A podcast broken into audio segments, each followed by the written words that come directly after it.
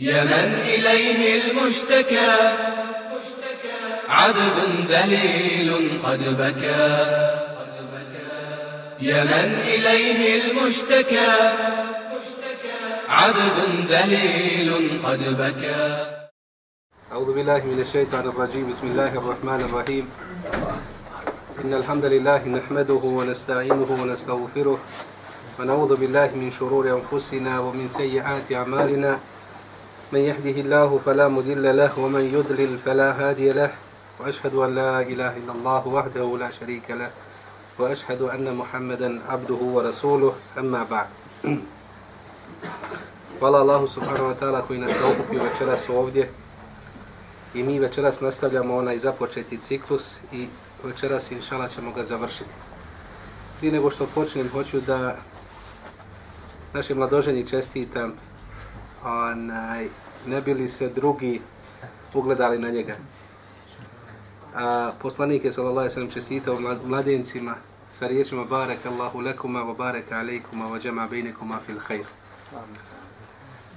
U prevodu vi ćete, oni koji pogotovo što nisu oženjeni, nek sebi prevod traže. A ovo je znači dova od poslanika, sallallahu alejhi ve sellem, znači poznata i ogromna dova, tako da je postrek, treba da bude postrek svim neženjama, neženjama ne bili se i oni oženili. Oni mlade olakša. Naša tema gledanje lica Allaha subhanahu wa ta'ala a to je znači posle dženneta, posle kada muslimani uđu u džennet. Znači ono što je Allah subhanahu wa ta'ala znači obećao voledejna mezid i mi imamo više od dženneta. Imamo zijade, imamo znači jednu povišicu, jedno povećanje, jedno znači više od dženneta, a to svi mu fesiri kažu da se odnosi na gledanje u lica Allaha subhanahu wa ta'ala.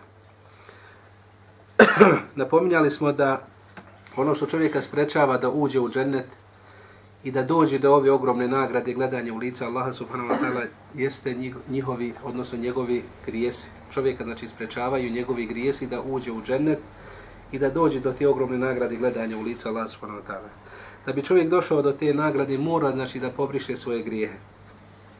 I mi smo upravo ovaj ciklus posvetili, znači kako čovjek da briše grijehe. Onda je Allah subhanahu wa ta'ala znači dao čovjeku deset prilika kako bi obrisao svoje grijehe. Tri prilike na Dunjaluku, tri prilike u Kaburu i tri prilike na Ahiretu i zadnja prilika mi ćemo večeras spomenuti i završit ćemo sa, sa njom ovaj ciklus tri prilike na Dunjaluku, rekli smo, je prva prilika je teuba. I to je naj, da kažemo, e, izraženija prilika i najbolja prilika. I vjernik koji razumije ove stvari, on će uzeti tu priliku i iskoristiti tu priliku. I onda, ako iskoristi je maksimalno, neće mu trebati ove ostale prilike. Sljedeće prilike mu neće trebati. Zato onaj koji ima razuma, on će najviše razmišljati u ovoj prilici i iskoristiti ovu priliku. Međutim, pošto Allah subhanahu wa ta'ala u džennetu postavio deređat, znači deređe, stepenove, tako isto u džehennemu postavio derekat, isto stepenove, ali međutim na dole. I najveći stepen u džehennemu bit će munafici. Innel munafikine fi derkil asfali minan nar. Kaže Allah subhanahu wa ta'ala, znači da će munafici biti u najnižem stepenu džehennema. Znači u najgoroj ikum salam, u najgoroj kategoriji džehennema. Munafici. Oni koji su mogli biti i sa vjernicima i sa nevjernicima. Koji su, kada su sa vjernicima, kažu mi smo s vama. Kada su sa nevjernicima i sa svojim šeitanima, kažu mi smo s vama. Innama nahnu nestahđi'un. Kaže mi se samo poigravamo sa vjernicima. I zato Allah subhanahu wa ta'ala znači pripremio nevjernicima, odnosno munaficima, najveći i najžešći stepen u džehennemu. A najblaži stepen u džehennemu, isto tako poslanik sallallahu alaihi sallam, e, spomenuo ga, a to je Abu Talib, njegov amiđak koji je umro, umro ko mušrik, e, njegov stepen, to je najblaži stepen u džehennemu, znači njegova, njegova stopala biti u vatri. A kaže, od žestine vatre će mu mozak da vri. Ona se lasa čuva. To je najniži stepen džehennema. I on je e, na neki način Ebu Talib privil, privilegovan, znači ima privilegije u odnosu na druge džehennemlije, zato što je pomagao poslanika sallallahu alaihi sallam i pomagao muslimane. Pa mu se Allah smilovao i onda ga stavio u najniži stepen džehennem. Međutim, kažu, odnosno kaže poslanik sallallahu alejhi ve sellem da mu ništa neće koristiti, misliće da je najgore kaže. Subhanallah, da nas Allah sačuva. Tako da,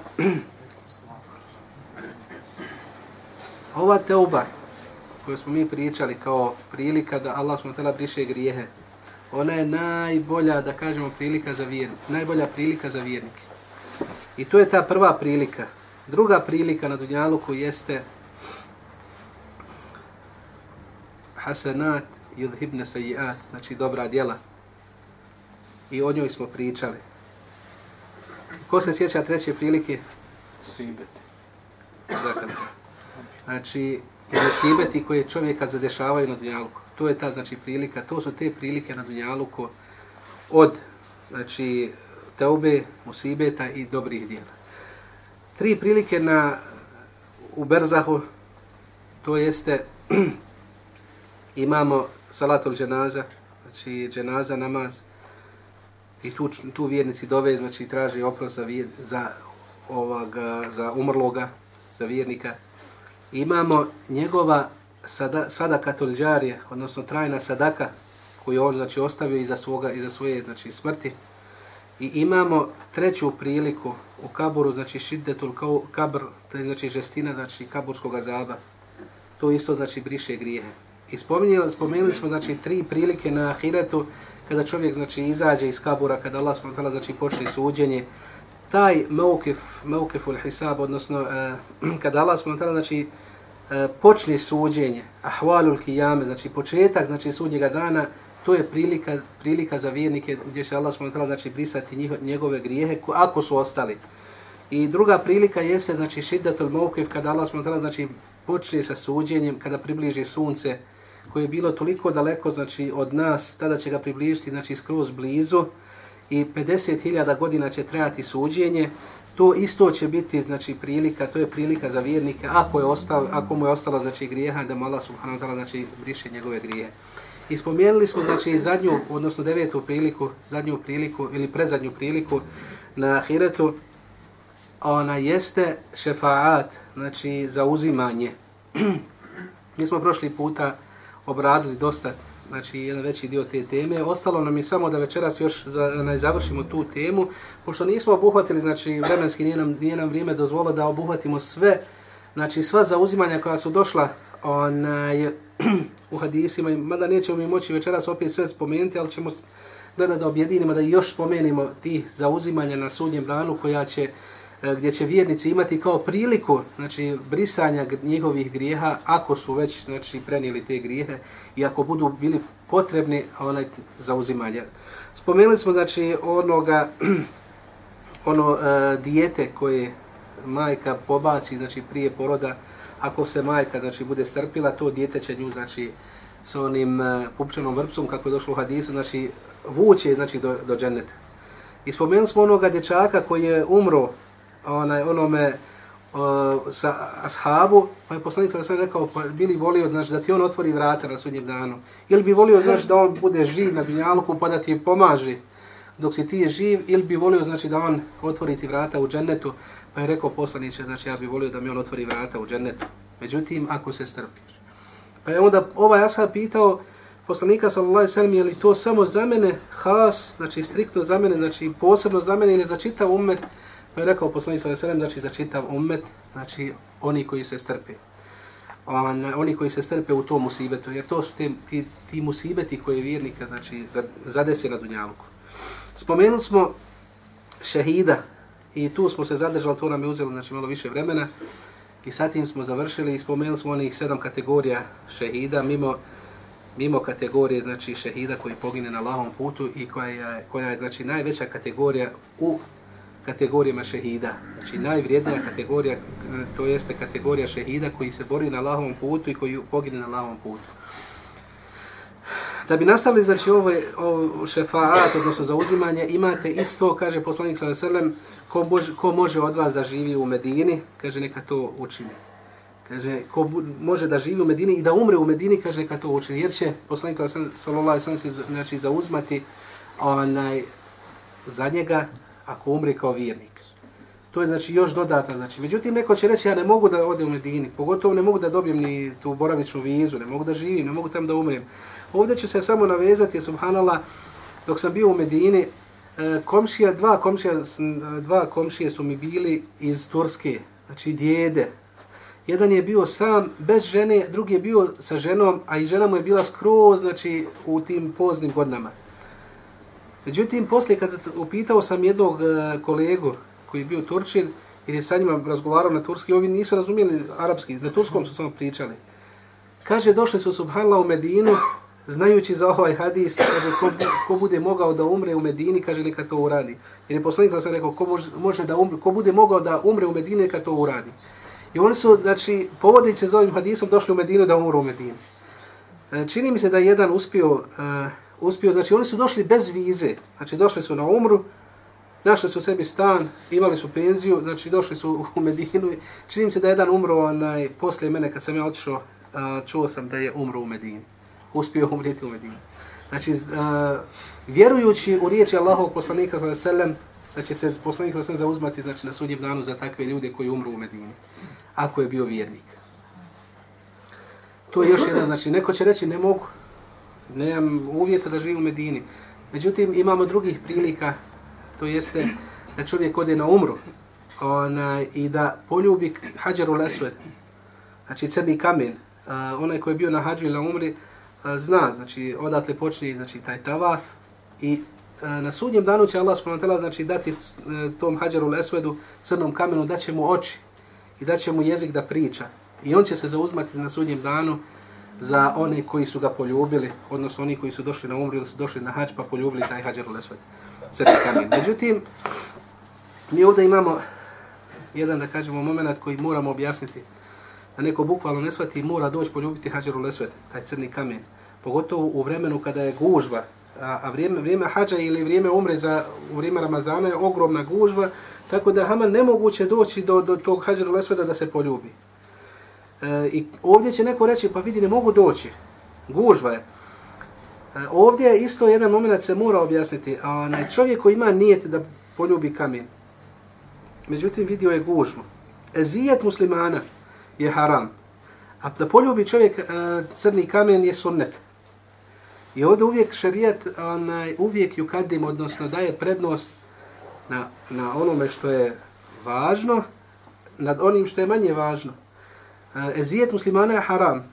Tako da čovjek onaj da ode da se gura tamo i da poljubi hađar lesve, znači nije mu dozvoljeno. Učinit će haram, učinit će prestupe. A da poljubi hađar lesve, znači to je samo sunnet. Tako da čovjek koji vidi znači da je gužva, ne može da dođe do njega, a imao je nijet da poljubi, imaće na sudnjem danu, znači zauzmaće se hađar lesve, znači taj crni kamen za njega, a ona ako bude imao iskren nijet. Šta je dokaz ovome?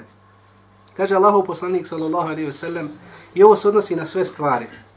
Inama l'amalu bin nijat, wa inama li kulli mri'in ma neva.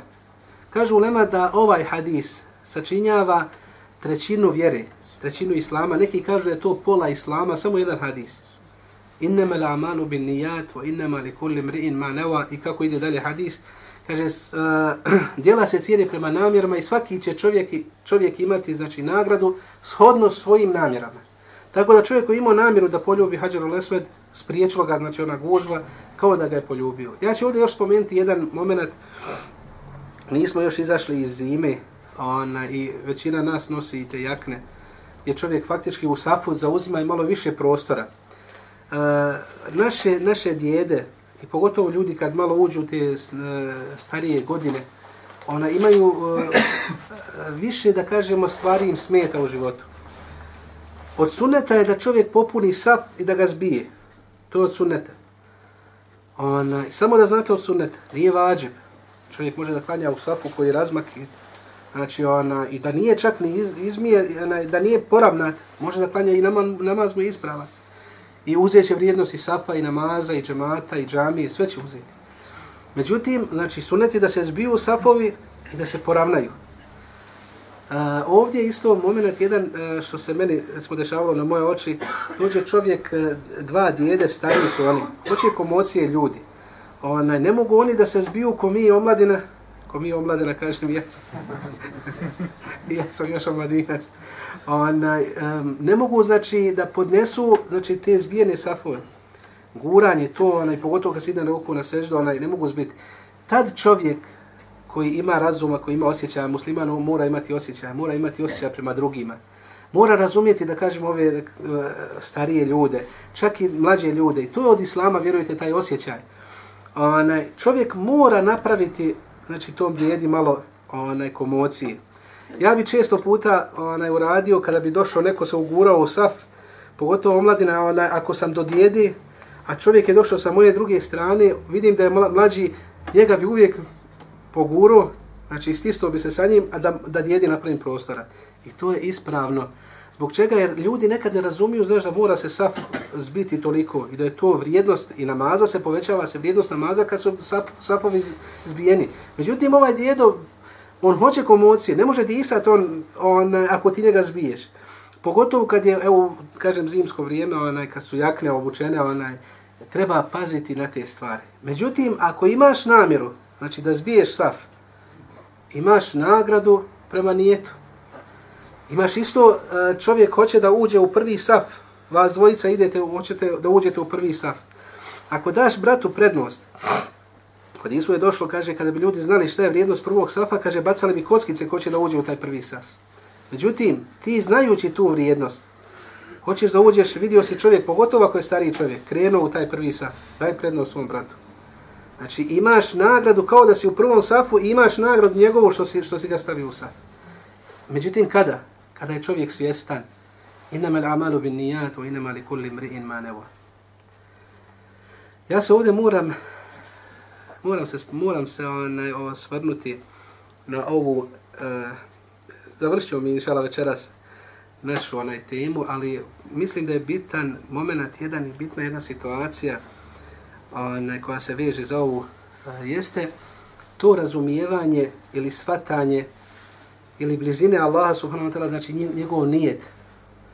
Moment e, Ibrahima alaihi sallam, vi ste svi čuli na njegov slučaj e, kada je njegov otac prodavajući znači kipove tako zarađivao, bio je mušrik. Pa je Ibrahim alaihi sallam davao da nosi kipove, da prodaje, Međutim, pa bi se on vraćao znači, sa tim svim kipovima, pa bi stavljao one kipove u vodu da, da vidi, znači, mogu li šta, mogu da se odbrani, ne mogu da odbrani, znači, on je se igrao, znači, i smijavao je te kipove, znači, vraćao se, nije htio nikad jednog prodati. Pa onda otac mu, znači, zaprijetio, znači, ako ne ostaviš onaj vjeru u Allah, znači, mi ćemo te istjerati.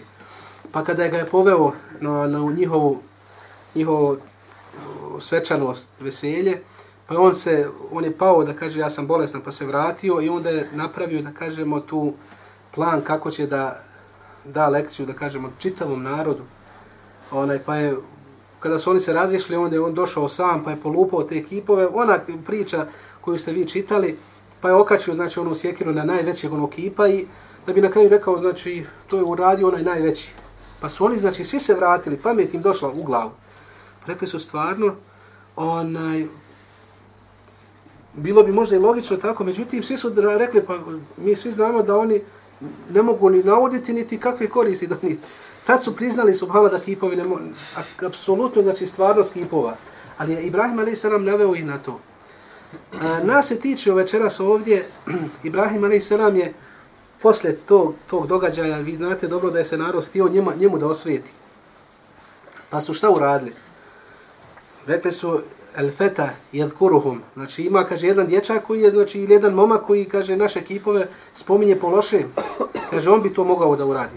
Pa onda doveo znači doveli su ga jesam ti to uradio, kaže uradio, kaže kebiruhum, kebiruhum, kaže najveći među njima.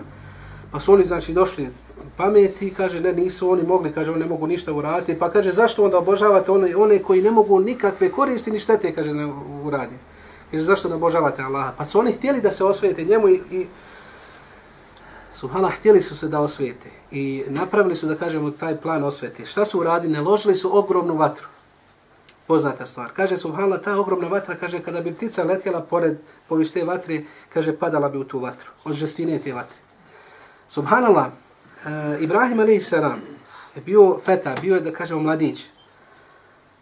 I pogledajte iskušenja, e, da kažemo, eh, e, Anbiya ili Rusul, znači poslanika kakva su bila. Znači teška iskušenja su, naj, najveća iskušenja su imali znači poslanici.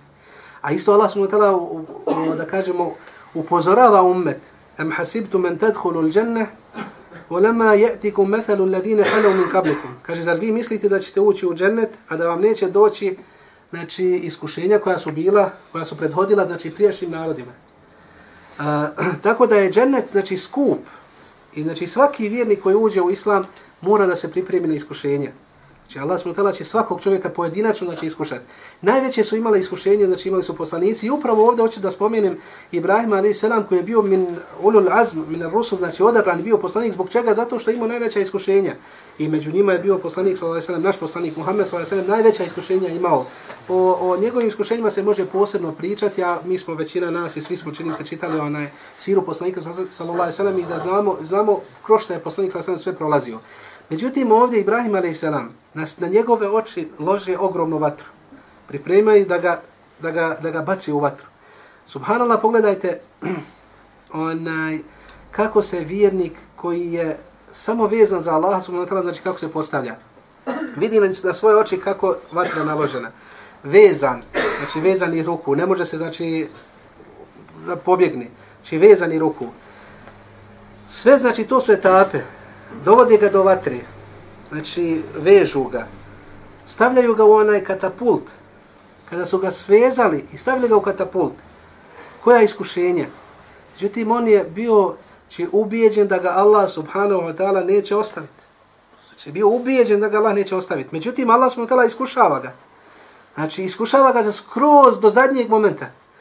Pa ste uh, e, iskušenje neka čovjek može podnijeti, razumijete, možda bila iskušenje da Allah smo tamo znači pošalje kišu ili pošalje vjetar da raznese, da pobije sve te ljude, znači da vatru ugasi. Ne.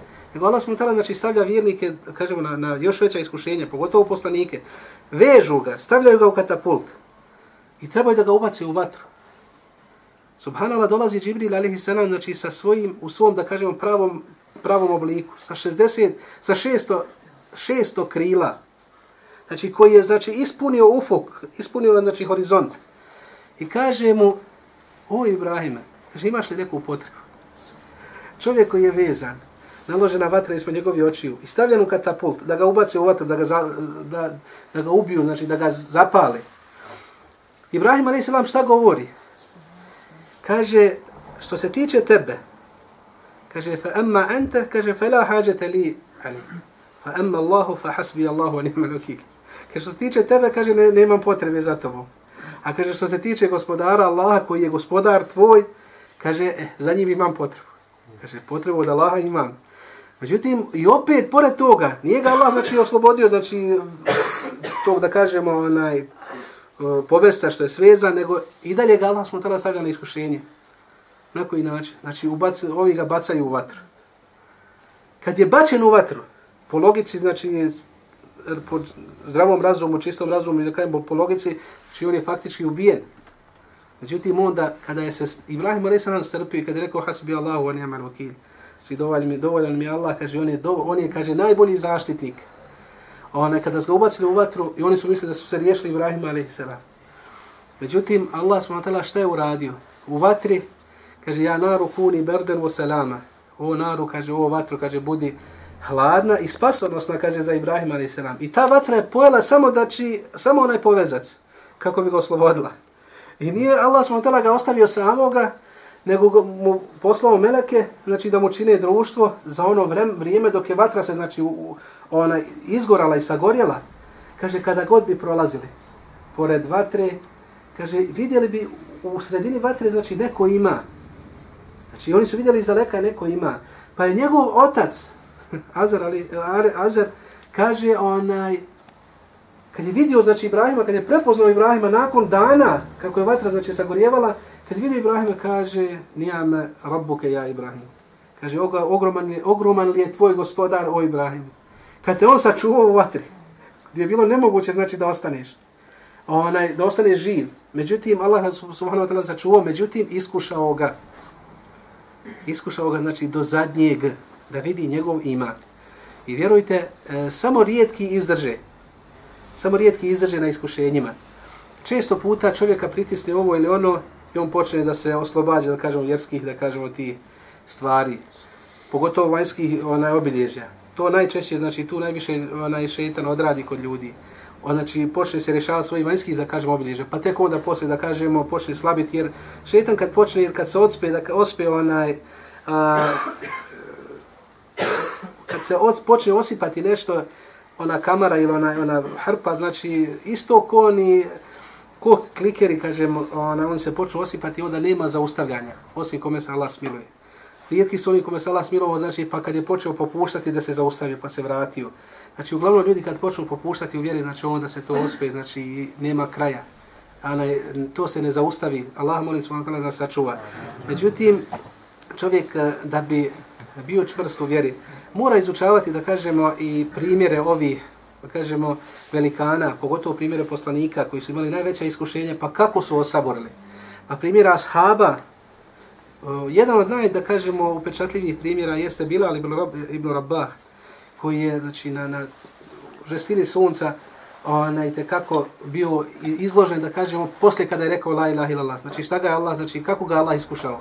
I drugi ashabi koji su bili na iskušani nema ni jednog čovjeka koji je rekao la ilaha illallah da nije bio iskušan i da neće biti stavljen na iskušenje. Ne može se ući u džennet koji je ogroman koji je da kaže ne može se onaj ne može znači se procijeniti njegova vrijednost a da čovjek uđe u njega tek tako lako na dunjalku mora čovjek znači proći i sa strahom i sa gubljenjem i metka, i života, i djece, i usjeva, i svašta nešta, kako bi Allah znači, iskušao one koji su iskreni.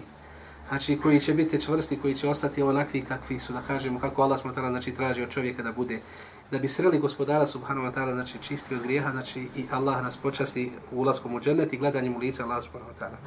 Što se tiče ovih šefaata ili zauzimanja, rekli smo Hajarul Esved, da će se zauzmati. Opet će neko reći, ne mogu da, nemam novca da odem na umru, da poljubim Hadžeru Lesved i da odem na, na ima li neki drugi, dakle, ima li neka druga prilika za šefa da se neko zauzma za, za mene? Ima, ima još tih prilika. Kaže Allahu poslanik sallallahu alejhi ve sellem onaj, imao je svog slugu koji bi s vremena na vrijeme upitao eleke, eleke hađe, eleke hađe, znači imaš li kakvu potrebu, imaš li kakvu potrebu tog svog slugu, Često puta bi kad god bi ga sreo, ono, s vremena na vrijeme ga pitao imaš li neku potrebu. Dok nije jedne prilike rekao ovaj sluga, kaže, jest, poslaniče, kaže, imam potrebu. Kaže, koja ti je potreba? Kaže, da se zauzimaš, kaže, na men, za mene, kaže, na sudnjem danu. Kaže, men ahbereke bihada. Kaže, ko te, kaže, obavijestio da to da se ja mogu zauzmati za tebe na sudnjem danu? Kaže, ahbereni rabbi. Nije htio da mu kaže, znači, zašto?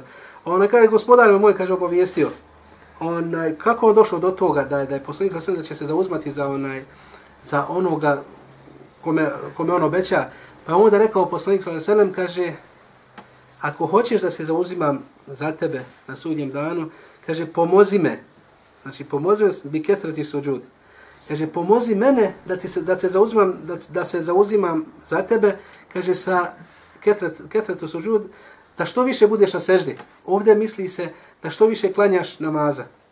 Misli se na nafilu namaz, duha namaz, namaz posle ona, ezana, namaz posle abdesta, e, noćni namaz.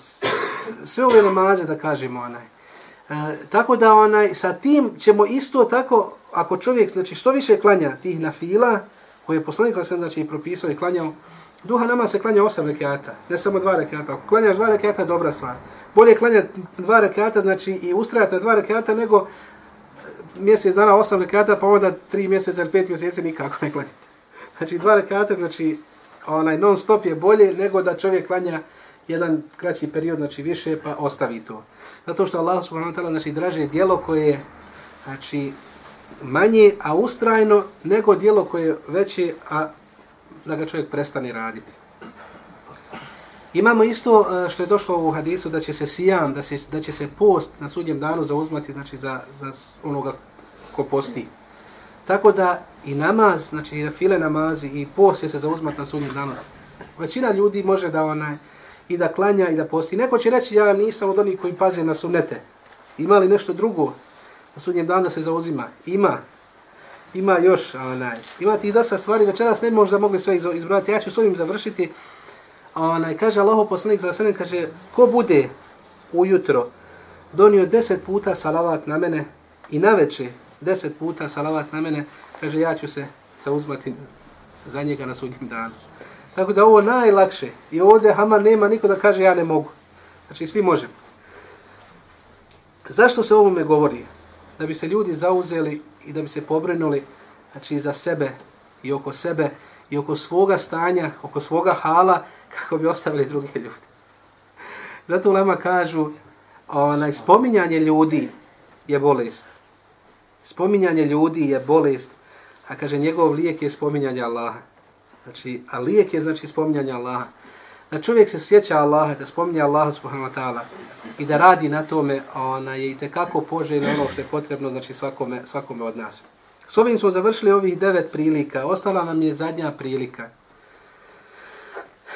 Ova zadnja prilika je najveća prilika, isto jedna od najvećih prilika, a to je rahmetullahi. Znači milost Allaha subhanahu wa ta'ala.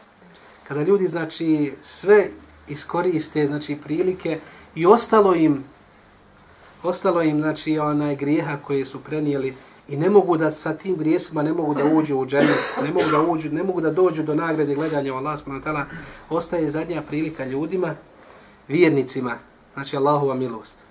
Čovjek je toliko imao grijeha, ništa ga nije opralo. Ništa ga nije, da kažemo, očistilo od tih grijeha i treba da uđe u džehennem, kako bi ga u džehennemu, Allah subhanahu wa znači sa tim džehennem, džehennem će biti isto prilika, znači da onaj, e, da čovjek obriše svoje grijehe, znači onaj koji uđe, uđe u džehennem, on će, znači, brisati, Allah će mu sa tim uh, džehennemom brisati grijehe. Znači, lijepo da se naložili ovdje.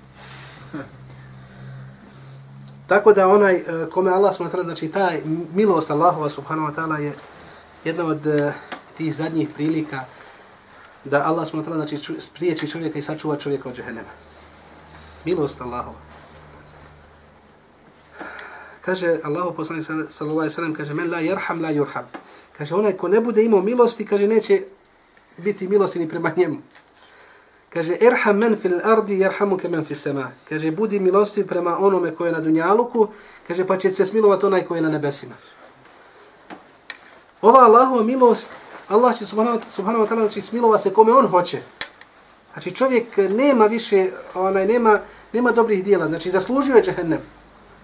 Međutim, Allah subhanahu wa ta'ala subhanahu wa ta'ala će znači, izdvojiti znači, iz, iz, ti, iz te kategorije, izdvojiti jednu, jednu skupinu ljudi kome će se on smilovati i uvešće u, džen, u džene. Neće ih znači kazati.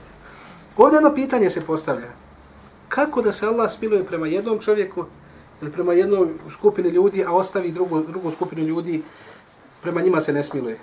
Ovdje znači nema pravo niko da ulazi, to je Allahova stvar, znači to je njegova, znači jednostavno neće Allah biti pitan za ove stvari, a mi ćemo biti pitani za, za naše stvari. Jedan ovdje od primjera, onaj, da bi čovjek razumio Zašto će Allah se smilovati nekim ljudima, a neće se drugim smilovati? Imate primjer koji je toliko, toliko da kažemo petofi, znači i pojasnit će vam stvari. Uzmete čovjeka, pravite, čovjek pravi kuću i uzeo, uzeo si radnika da ti radi. I kažeš čovjeku, tvoja dnevnica je koliko? Kaže, moja dnevnica je 10 maraka. Primjer radi. Kaže mu, ti mu kao poslodavac ili čovjek koji pravi kuću, koga si, ti si ga doveo, kaže ja ću ti dati znači, dnevnicu 100 maraka. Znači tvoja dnevnica je realna 10 maraka. Ja ću ti dati 100 maraka. I čovjek, znate što znači za, za dan, što bi za 10 dana zaradio, on za, za dan zaradi. I ti radiš, praviš tu kuću, sad dnevnica ti je 100 maraka. Međutim, dođe čovjek, prolaznik, dođe kod ovoga čovjeka što pravi kuću, odnosno ne kod ovog radnika, kod ovog vlasnika kuće, kaže, možeš li mi dati 100 maraka da mi pomogneš? I ovaj čovjek izvadi 100 maraka i dadne prolazniku 100 maraka. Šta mislite? Onaj koji radnik, koji je trebao da radi za 10 maraka i ti mu daš 100 maraka dnevnicu, da on tebi kaže kako si njemu dao 100 maraka, a i meni dao 100 maraka, ja radim. Šta mislite, ima čovjek pravo da kaže što si mu dao 100 maraka? Ona, a, a tebi je već, njemu je već dao 100 maraka, znači 90 maraka, znači još više, 10 puta više. I ovom što je dao bez ikakve, znači onaj nadoknad, bez ikakve da kažem razloga, bez ikakvog povoda, imaš pravo. Vidio si čovjeka naišao, znači tražiti ti njemu daš, znači tvoja dobra volja. Da li ima pravo čovjek onaj koji je, koji radi, dnevnica mu 10 maraka, dobio 100 maraka, da li ima pravo da kaže što si njemu dao isto 100 maraka, a imeni si dao 100 maraka, a ja, a ja radim. Nema logike apsolutno, znači čovjek ne ima pravo, apsolutno. Zato je Allahovo pravo, znači da se smiluje kome on hoće, a da se ne smiluje kome on hoće. Međutim, razlozi Allahove milosti upravo imaju ovi, onaj gdje kaže Allahov poslanik da se la yerham, la yurham. Kaže onaj ko ne bude se smilovao ljudima, odnosno ko ne bude imao milosti, ne samo prema ljudima, prema, vidjet ćete i prema životinjama, kaže neće imati milost, neće biti milosti prema njemu. I one kaže ko se bude smilovao kaže prema onima koji su na zemlji, kaže Allah smilovao će mu se oni, onaj koji je kaže na nebesima. E, neću ovdje duljiti da vam sad primjere koje ste vi isto sluš, e, slušali i čuli ste za njih. Žena koja ušla u džehennem zbog, e, zbog mački. Vi ste taj primjer čuli. Kaže habesetha, volem jut'imha. Kaže zatvorila je mačku. Kaže nije, nije kaže pustila, znači da ona jede od od tih, da kažemo, biljaka, od tih životinja, znači da, da, da preživi, nego ona je zatvorila i kaže nije hrana niti je pojila. I zbog toga je, kaže, mačka je crkla, umrla, znači uginula, ona, kada je zatvorila. Nije mogla da jedim da pije. I Allah subhanahu wa ta'ala, znači zbog toga je uveo ženu tu u džehennem. Zašto? Nije imala milosti prema toj životinji koja ima dušu. Ona nije imala milosti prema nje, pa se Allah subhanahu wa ta'ala rasrdio na nju i uveo u džehennem samo zbog mačke.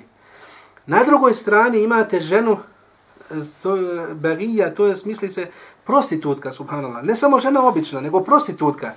Subhanallah kaže, Allah joj se smilovao pa je uveo u džennet. Oprostio je i uveo u džennet. Zbog čega? Kaže, zbog psa koji je bio žedan, napojila ga i Allah se smilovao njoj, pa je, kaže, uveo u džennet. A vi dobro znate taj događaj kako se desio. Kada je žena je ušla u, u bunar, u tu, da, da kažem u bunar, sišla u bunar, znači napojila se napila se vode, bila žedna. Kada je izlazla iz bunara, kaže, pored, e, na, na, pored bunara, znaš, bilo je te vode, e, odnosno zemlja koja je bila vlažna. Kaže, vidjela je psa koji je uh, grizao znači, zemlju vlažnu da bi utolio svoju žeđ. Toliko je bio žedan. I kaže, subhanallah, proradilo u njoj ta milost.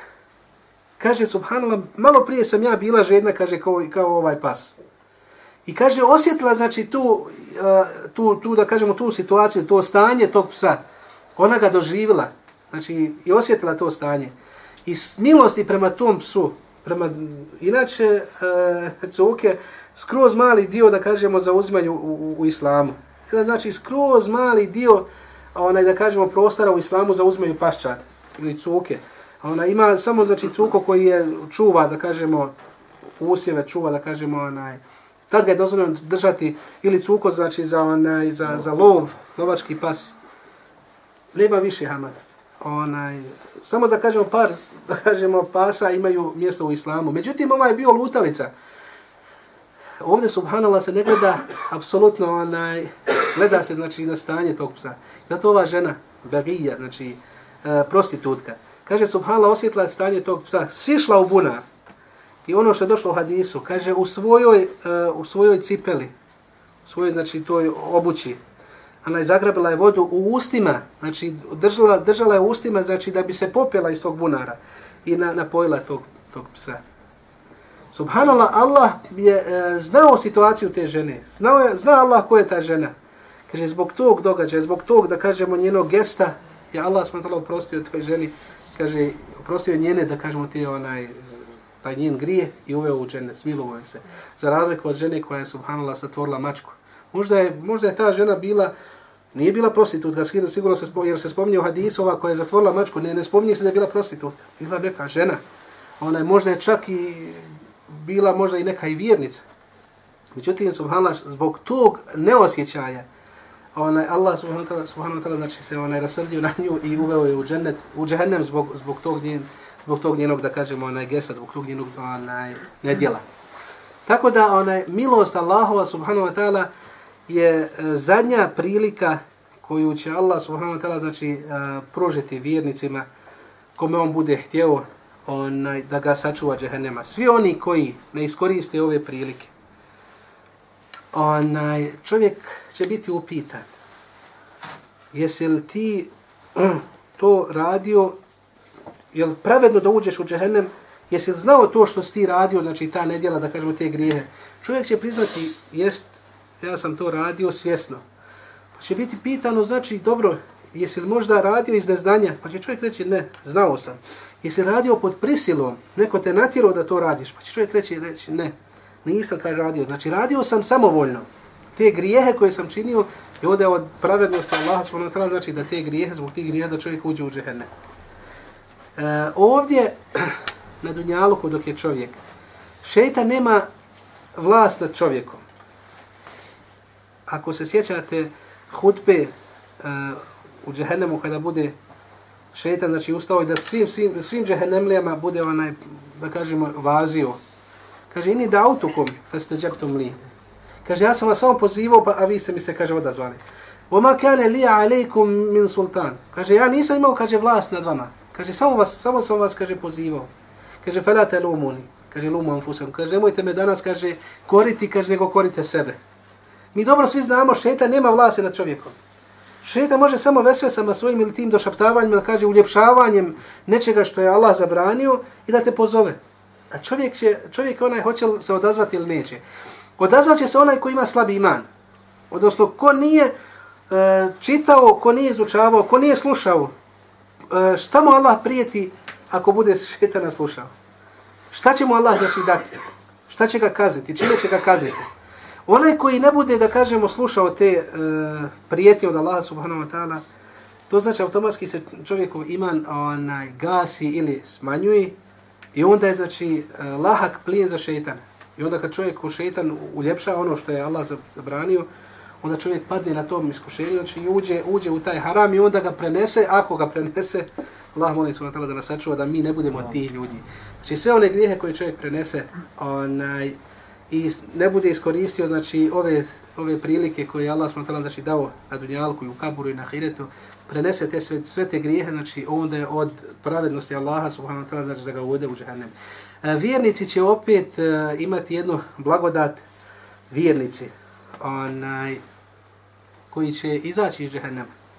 Zato će dženetlije ona, imati priliku da se zauzimaju za one ljude koji su bili vjernici pa se nekad možda družili sa dobrim ljudima pa će reći, doće kod gospodara, reće gospodaru naš, taj taj čovjek je bio sa nama, gdje on danas? Pa kaže Allah subhanahu znači kaže poslanik da kaže ko bude imao kaže koliko dinar kaže imana u svom srcu kaže Allah će reći tim dženetlijama kaže idite kaže pa izvete kaže onaj džehennema kaže ko, ko bude kaže imao u svom srcu kaže imana koliko dinar. Pa će biti rečeno kaže idite kaže izvadite iz džehennema kaže ljude koji su imali u svom srcu kaže imana koliko pola dinara. Pa će otići ove dženetlije, znači sve one svoje prijatelje koji su ikada vidjeli možda da su bili sa njima i klanjali i došli, dolazili u džamiju, a nisu uspjeli, znači, da se spase, pa će izvaditi iz džehennema, pa će onda biti rečeno zadnje, znači zadnji koji će izaći iz džehennema, kaže, idite, kaže, izvadite iz džehennema, sve one, kaže, koji su imali u svome srcu, kaže, koliko, eh, uh, mitkale dhr, dhrra, kaže, koliko su imali trun, trun, kaže, imana u svome srcu, kaže, izvadite iz džehennema. Pa kaže oni koji izađu iz džehennema, to će biti zadnji, zadnji koji će izaći iz džehennema, to su bili vjernici koji su imali, znači, koliko kaže, trun imana u svom srcu izaći iz džehennema. A kaže, Allah će im dati u džennetu, kaže, koliko deset puta najbogatiji čovjek na Dunjaluku. To će biti najmanja nagrada dženneta. Najmanja nagrada u džennetu će biti koliko je deset puta, znači, najbogatiji čovjek na Dunjaluku. Ona, I to je najmanja nagrada, a najveća nagrada To je posebna priča. Allah molim subhanahu wa ta'ala da nas učini od onih koji će ući u džennet, koji će se spasiti i koji će izvući pouku iz one prve prilike. Najbolji su oni koji iskoriste prvu priliku. Znači, pokaju se za svoje grijehe. Prije nego što im dođu musibeti pa i budu čistili, znači musibeti. Prije nego što budu možda tražili i istraživali dobra djela pa da im brišu se znači loša ona loša djela nego da iskoriste tu priliku da se pokaju od grijeha jer kaže Allahu poslanik sallallahu alejhi ve sellem kaže taibu min adh-dhanbi kala dhanba lahu kaže onaj ko se pokaje od grijeha kao da nema grijeha. I zato kaže Omer radijallahu anhu s ovim ću završiti kaže hasibu anfusakum qabla ma tuhasabu vazinuha qabla ma tuzanu kaže obračunavajte svoja znači djela prije nego što dođe dan obračuna. Kaže i vagajte svoja dobra djela, odnosno vagajte svoja djela, kaže prije nego što dođu na vagu.